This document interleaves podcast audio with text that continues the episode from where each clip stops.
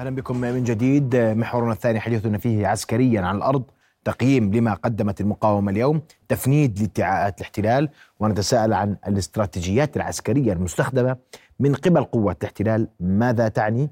ولماذا يطبق الاحتلال خططا مختلفة؟ وماذا سيطبق في قادم الأيام؟ ضيفي الخبير العسكري نضال أبو زيد مساء الخير. أهلا بك في نبض البلد. رؤيا بودكاست. وأبدأ بالفيديوهات التي نشرتها المقاومة ونشرت آه، اليوم آه، وأسمع تعليقك عسكريا على هذه الفيديو. أستاذ محمد لا زالت المقاومة تستمر في عملياتها عمليات إسقاط الطائرات المسيرة. هذه الطائرة من نوع سكاي لارك. نعم. هذه الطائرة آه، لها ميزات كبيرة. وزنها 7 كيلو جرام تستطيع الطيران لمدة ساعة إلى ساعة ونص. الملفت فيها انها تحمل كاميرا وتستطيع التغطية أو التصوير الليلي.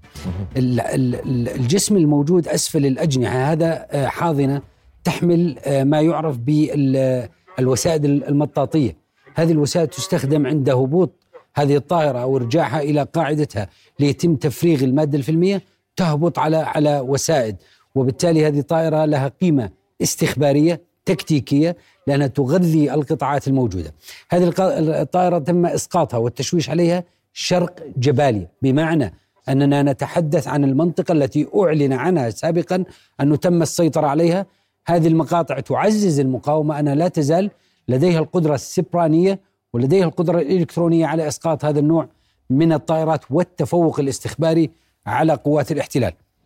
وهذا يعني أن المقاومة لا تزال فاعلة في شمال القطاع خلافا لكل ما يدور. واليوم شهدنا قصف مستمر لمناطق شمال القطاع ومناطق في مدينة غزة. نعم اليوم الاحتلال قصف مخيم الشاطئ وهذا المخيم الذي أعلن قد يكون من أول المناطق التي أعلن الاحتلال السيطرة عليها. جباليا لا تزال تقاتل حي الزيتون. هناك عمليات في حي الزيتون برزت مؤخرا. حي الرضوان ظهر مجددا وبالتالي يبدو أن المقاومة تتوسع في مناطق شمال قطاع غزة. الملفت في شمال قطاع غزة أن الدرع مفقود كما تكلمنا يوم أمس.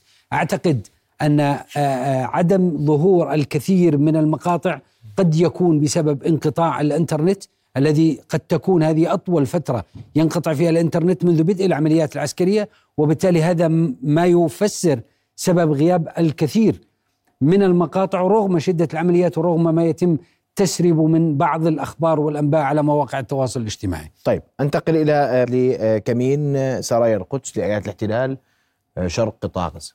نعم هذا الكمين أيضا في المناطق الشرقية هذا كمين هندسي عبارة عن عندما أقول كمين هندسي أي أن رصد عملية تموضع الآليات القيام بزرع ألغام أو متفجرات عبوة شواظ تكون فاعلة في مثل هذه الكمائن وبالمناسبة عبوات شواظ هي آه، من واحد إلى سبعة وتحمل أربعين كيلو جرام من وهذا ظهر أنه كمين هندسي وتحمل أربعين كيلو جرام من المتفجرات وأثبتت فعاليتها على الدرع الإسرائيلي سواء على دبابات النمر أو على جرافات التي 9 أو حتى على آه، آه، دبابات المركافة وبالتالي لا تزال المقاومة تتمتع بقدرة عالية على التعامل مع هذا النوع من الكمان هنا أود نعم. أن أشير فقط إلى نعم. طائرة جاءت لتقوم بالتغطية النارية على الجنود الموجودين في المنطقة.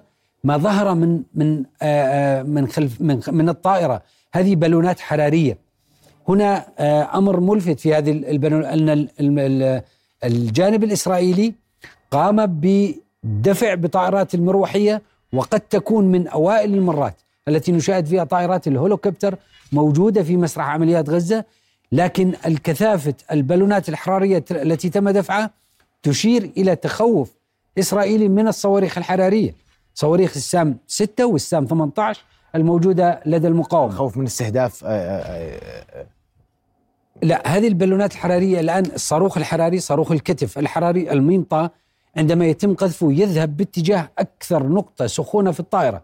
لذلك الطائرة تقوم برمي أو قذف هذا النوع من البالونات الحرارية التي تكون حرارتها لا تصيب الطائرة تكون حرارتها استهدافها بالضبط تكون نعم. حرارتها أعلى من حرارة محرك الطائرة وبالتالي يذهب الصاروخ لأنه حراري يذهب الصاروخ باتجاه هذه البالونات. آه المقطع هذا ليس المهم فيه ما تم آه، من من من بعد آه، استهداف الجرافة الإسرائيلية. الملفت في هذا المقطع أن المقاومة بعد أن استهدفت الجرافة وبعد أن وجدت الطائرة للتغطية على قواتها أن المقاومة رجعت إلى نفس الموقع وقامت بالكشف لتحدد قيمة الخسائر التي تم إيقاعها بقوات الاحتلال وتأخذ ما تأخذ من غنائم. هذه ال- ال- الصواريخ التي تم الحصول عليها هي صواريخ ميم دال وبالمناسبة هي غير مرمية أي أنها صواريخ جاهزة للرماية تستفيد منها المقاومة في عملياتها القادمة. وهذه الصواريخ آه، تستخدمها أو تكون موجودة داخل الآليات المدرعة لاستخدامها ضد المقاومة وبالتالي المقاومة أصبحت تستهدف قوات الاحتلال من أسلحته أيضا. طائرة الدرون أيضا سيطرت عليها المقاومة آه، اليوم وبثت فيديو يظهر آه، آه، ذلك وأترك لك التعليق. هذه طائرة الإيفو ماكس 40 هذه طائرة فاعلة في تكتيكات الميدان. أود أن أشير فقط عند هذا المقطع. لاحظ عملية التضليل على عدسة الطائرة. لاحظ التشويش على عدسة ال- الطائرة. هذه تعطي قيمة مدى الحس الأمني الموجود لدى المقاوم. لأن العدسة هذا النوع من الطائرات هي عدسة كبيرة وبالتالي قد يظهر صورة وجه الذي يقوم بتصوير الطائرة ويستطيع من يتتبع لاحظ التشويش عليها. هذا التشويش على العدسة بالتالي قد يظهر وجه أو صورة المصور الذي يقوم بالتصوير. لذلك قام بالالتفاف وأصبح التصوير بشكل جانبي حتى لا تظهر صورة وجه أو شكل المقاوم أو الذي يقوم بالتصوير على العدسة مباشرة التي يمكن التعرف عليه من خلال الذهاب وتكبير هذه العدسة. هذه تعطي آه، آه، ميزة أن المقاومة تتمتع بحس أمني عالي جدا وبالتالي حتى لا يتم التعرف على وجوه أو المقاوم أو من يقوم بالتصوير يتم اتباع هذه الأساليب من التشويش وبالتالي قد يظهر المقاوم هنا. لذلك هذا له مؤشر عالي جدا على أن من يقوم بهذا النوع من العمليات هو ليس عبثي بل أنه مدرب ويتمتع بحس أمني عالي جدا. طيب سأذهب لفيديو بثته قوات الاحتلال وهو تحدثت فيه أنها اكتشفت نفقا لمحتجزين في قطاع غزة. تفضل.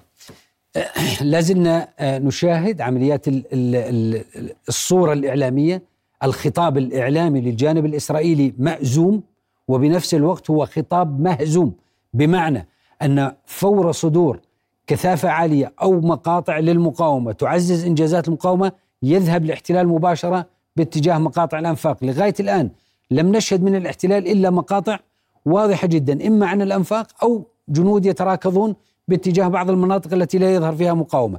هذا المقطع يظهر نفق وتحدث عنه الاحتلال بأنه كان يحوي أسرى الأبواب آه، هي ضد ال- ال- الدروع حسب ما أعلن الاحتلال. وأن هذا المقطع احتوى على سجون وهذه السجون قد تكون حسب ما أعلن الاحتلال احتوت على عشرين أسير تقريبا. لكن أين الأسرى في هذا المقطع؟ لا يظهرون.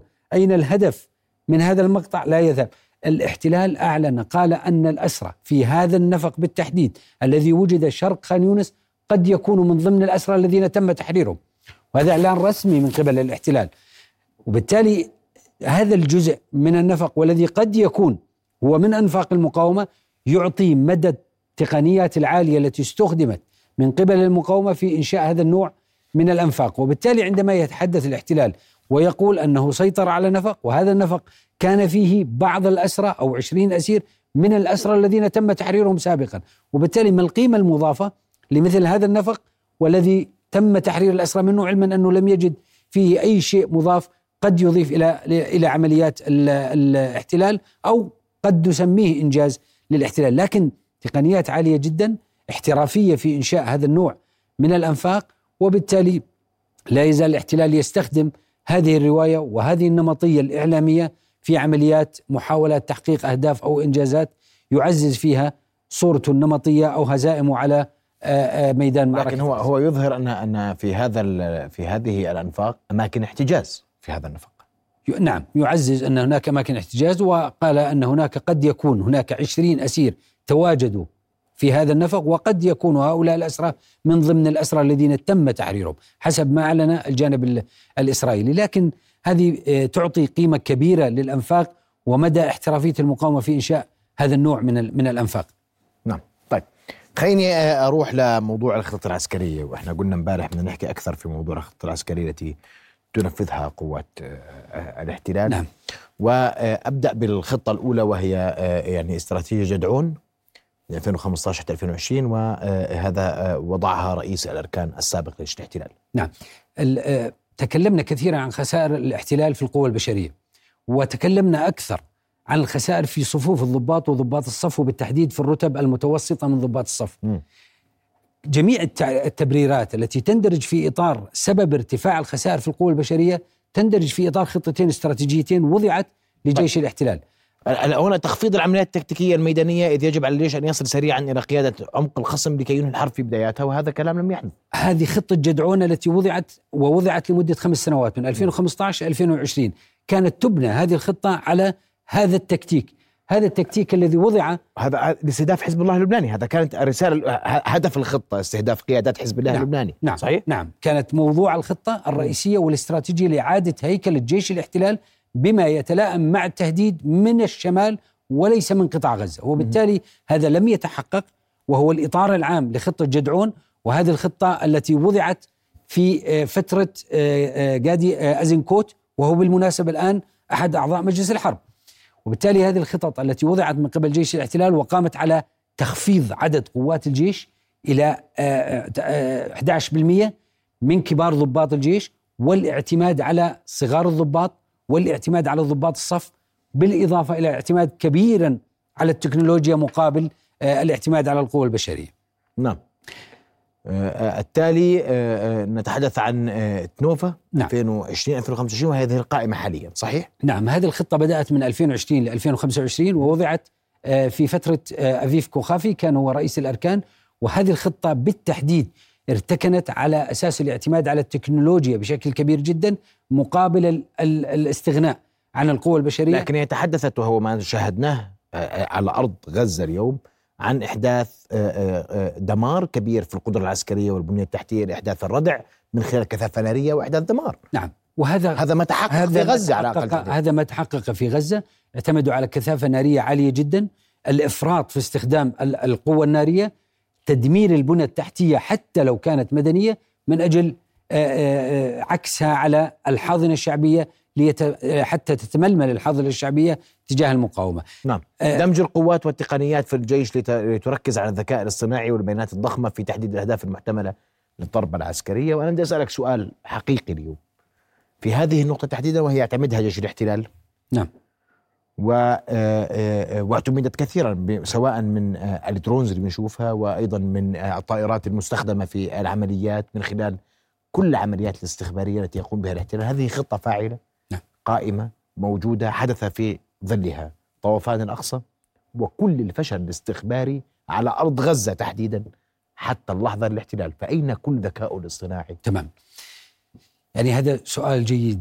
آه، وهذا يعزز فكرة أن المنظومة الاستخبارية التي قامت على هذه الخطط وبالتحديد على الخطة الثانية الخطة التي آه، وضعها أفيف كوخافي والتي ما تزال فاعلة لغاية 2025 أن هناك إخفاق استخباري كبير جدا في صفوف قوات الاحتلال انعكس على خرق المقاومة لغلاف غزة وتنفيذ عملياتها في 7 أكتوبر وانعكس أيضا على العمليات الميدانية على الأرض والتي تعجز الخطط الاستخبارية وخطة جمع المعلومات عن تزويد القطاعات البرية ومراكز العمليات بالمعلومات التي تستطيع من خلالها الاستناد لتحديد فقرة التنفيذ في أي خطة على أرض الواقع. وبالتالي هذا يفسر سبب ارتفاع الخسائر في القوى البشرية لقوات الاحتلال ويفسر أيضا أن الخطة العسكرية على أرض الواقع في قطاع غزة تائهة تماما بسبب نقص المعلومات رغم كل ما تتحدث عنه من استراتيجيات أمنية واستراتيجيات استخبارية.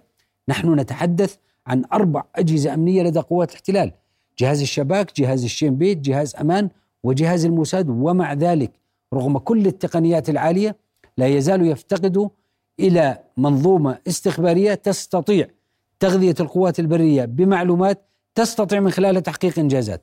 والسبب الرئيسي في ذلك أستاذ محمد في أي خطة استخبارية رغم الاعتماد على التكنولوجيا إذا فقد العنصر البشري في الذي يغذي بالمعلومات لا فائدة من المعلومات رغم كل التكنولوجيا.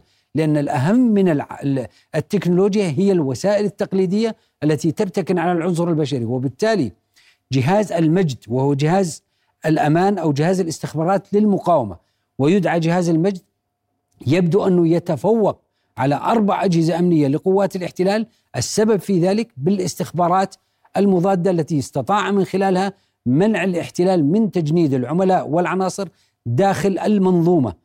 الأمنية للمقاومة لعجزه عن اختراقها. في مادة إضافية أضيفت للخطة في حال الحرب مع حزب الله وهذا كان كان كان يعني تنسيق الخطة وفق وفق جيش الاحتلال نعم. وهي تعزيز فعالية الجيش بإبادة العدو عسكريا واستهداف المدنيين في أي معركة قادمة بما انه فتح هذا الباب أمام جيش الاحتلال وبرره له في هذه الخطة استهداف المدنيين وهذا ما يطبق في غزة اليوم. نعم وطبقت هذه ال- الخطة على غزة وهذا ما يفسر أن الاحتلال جاء إلى غزة ولم يملك خطة موضوعة مسبقا لتنفيذ عملياته بل اعتمد على خطط أصلا. وإما وضعت على عجل ولا ننسى أن من من 7 أكتوبر لغاية 27 أكتوبر وهو تاريخ انطلاق العملية البرية احتاج الاحتلال إلى 20 يوم. لا يستطيع أي جيش تنظيم آه، خططه العسكرية خلال 20 يوم ومن ثم الانطلاق لمنطقة كمنطقة غزة لمواجهة مقاومة. وهذا ما يفسر أن الاحتلال جاء على خطط موضوعة مسبقة مستنسخة عن خطط أصلا لا تعتمد أو لم تعتمد كويس. على زخم كبير جدا من بس المعلومات نضل بيك آه، عشان بس أنا أفهم أنا أنا لست عسكريا. نعم. توضع الخطط كل خمس سنوات هذا هكذا الجيوش تفعل عادة؟ هذه ليست خطط هذه استراتيجيات. مم. بني عليها جيش الاحتلال. تم إعادة هيكلة جيش الاحتلال بما يتلائم ويتأقلم مع التهديد والتحدي الموجود داخل إسرائيل. وبالتالي افترض جيش الاحتلال عندما وضع هذه الاستراتيجيات الثنتين جدعون وتنوفي أن التهديد من الشمال من حزب الله وليس من من غزة من المقاومة لأن المقاومة خدعته منذ 17 عام منذ حصار قطاع غزة وبالتالي نفذت مخططاتها ولم يعتمد آه هذه الخطط على أن التهديد الرئيسي للاحتلال أو لإسرائيل قد يأتي من غزة وإنما اعتمد أن التهديد قد يأتي من الشمال بالتحديد من حزب الله. طيب بس إحنا عندنا خطة تنوفا واستراتيجية جدعون نعم هي كلا كلا ال ال ال الخطتين يعتمدان على استراتيجية رئيسية لقوات الاحتلال، هذه الاستراتيجية قلنا أنها لإعادة تنظيم آه، جيش الاحتلال من ناحية وإعادة هيكلة جيش الاحتلال. وبالتالي هي استراتيجيات عسكرية تندرج في إطار الخطط التي يتم تنفيذها آه، زمنيا أو وقتيا. أخذت كل خطة خمس سنوات لتنفيذها. طيب هناك مشاهد جديدة بثتها آه، قبل قليل المقاومة الفلسطينية اترك لك التعليق عسكريا يعني أبرز الملاحظات على هذه المقاطع ما تكلمنا عنه يوم أمس أن ال- القوات الاحتلال أصبحت تتحصن في المنازل والسبب الرئيسي في ذلك غياب الدرع. الدرع تقريبا شبه مفقود في منطقة عمليات غزة. السبب الرئيسي أن ال- أن الفرقة الوحيدة المدرعة الموجودة هي فرقة 162 باقي الفرق منها فرقة مدرعة 36 تم سحبها وبالتالي أصبح قوات الاحتلال تتحصن في المنازل وهذه أعطت قيمة مضافة للمقاومة بأن تستهدف أعداد كبيرة من قوات الاحتلال وهم داخل المنازل بصواريخ التي بي جي. وإذا هذه قوة يعني هي على الشا في الشارع لاحظ ارتفاع الخسائر في القوى البشرية، القوة عندما نزل عندما نزلت قوات الاحتلال إلى الأرض أصبحت هدف سهل للمقاومة. أول كانوا محتمين بالدروع التي كانت موجودة، الآن عنصر الدروع خف في مسرح العمليات فلجأت القوات الاحتلال النزول على الأرض استهدفت المقاومة وأصبحت توقع خسائر فيها، هذا رفع نسبة الخسائر في القوى البشرية على حساب الآليات. لاحظ حتى التحصن داخل المنازل يعطي قيمة مضافة للمقاومة لأنها تصبح تستهدف أعداد كبيرة في نفس الوقت في وقت واحد بقذيفة واحدة. نعم. وبالتالي أنا أعتقد أن الاستهدافات للمقاومة ستتزايد قد نشاهد خلال الأيام القليلة القادمة خلال ما ما نهاية الأسبوع الحالي المزيد من المقاطع فور عودة الإنترنت سنشاهد المزيد من خسائر قوات الاحتلال. قد يكون النت قد أعاق بث بعض المقاطع ال- ال- المصورة. إضافة لذلك نحن مقبلين منذ فترة غدا إلى طقس سيء وتحدثنا من نبض البلد عن الطقس كثيرا أنه يعيق حر- حركة الطائرات. تفقد القوة البرية على الأرض الجهد الجوي والإسناد الجوي. لأن الطائرات المجنحة لا تستطيع الطيران بحالات الطقس السيئة خاصة إذا ما أخذنا بعين الاعتبار أننا نتكلم عن غزة ذات المناخ الساحلي بمعنى أن التيارات الهوائية لا تسيطر الطائرات وتعيق حركة الطائرة رغم التكنولوجيا العالية في هذه الطائرات لأنها لا تستطيع الطيران بكفاءة عالية إضافة لذلك أن أهدافها تصبح غير واضحة وغير دقيقة.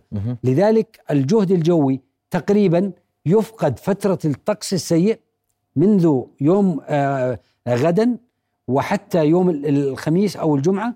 وبالتالي أعتقد أن المقاومة ستتمتع بقابلية حركة أعلى بسبب فقدان الغطاء الجوي من ناحية. من ناحية أخرى قد نشاهد المزيد من خسائر قوات الاحتلال خلال الأيام القادمة بسبب أيضا الطقس السيء. نعم.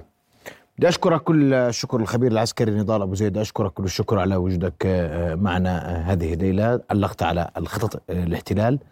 غدا نبحث أكثر في الاستراتيجيات التي قد يطبقها الاحتلال خلال الأيام المقبلة بانتقاله لمرحلة جديدة وفق ما ما يدور. وأيضا نبحث في تفاصيل ما سيصدر من فيديوهات للمقاومة خلال الساعات القادمة. شكرا جزيلا. كل الشكر أستاذ رؤيا بودكاست.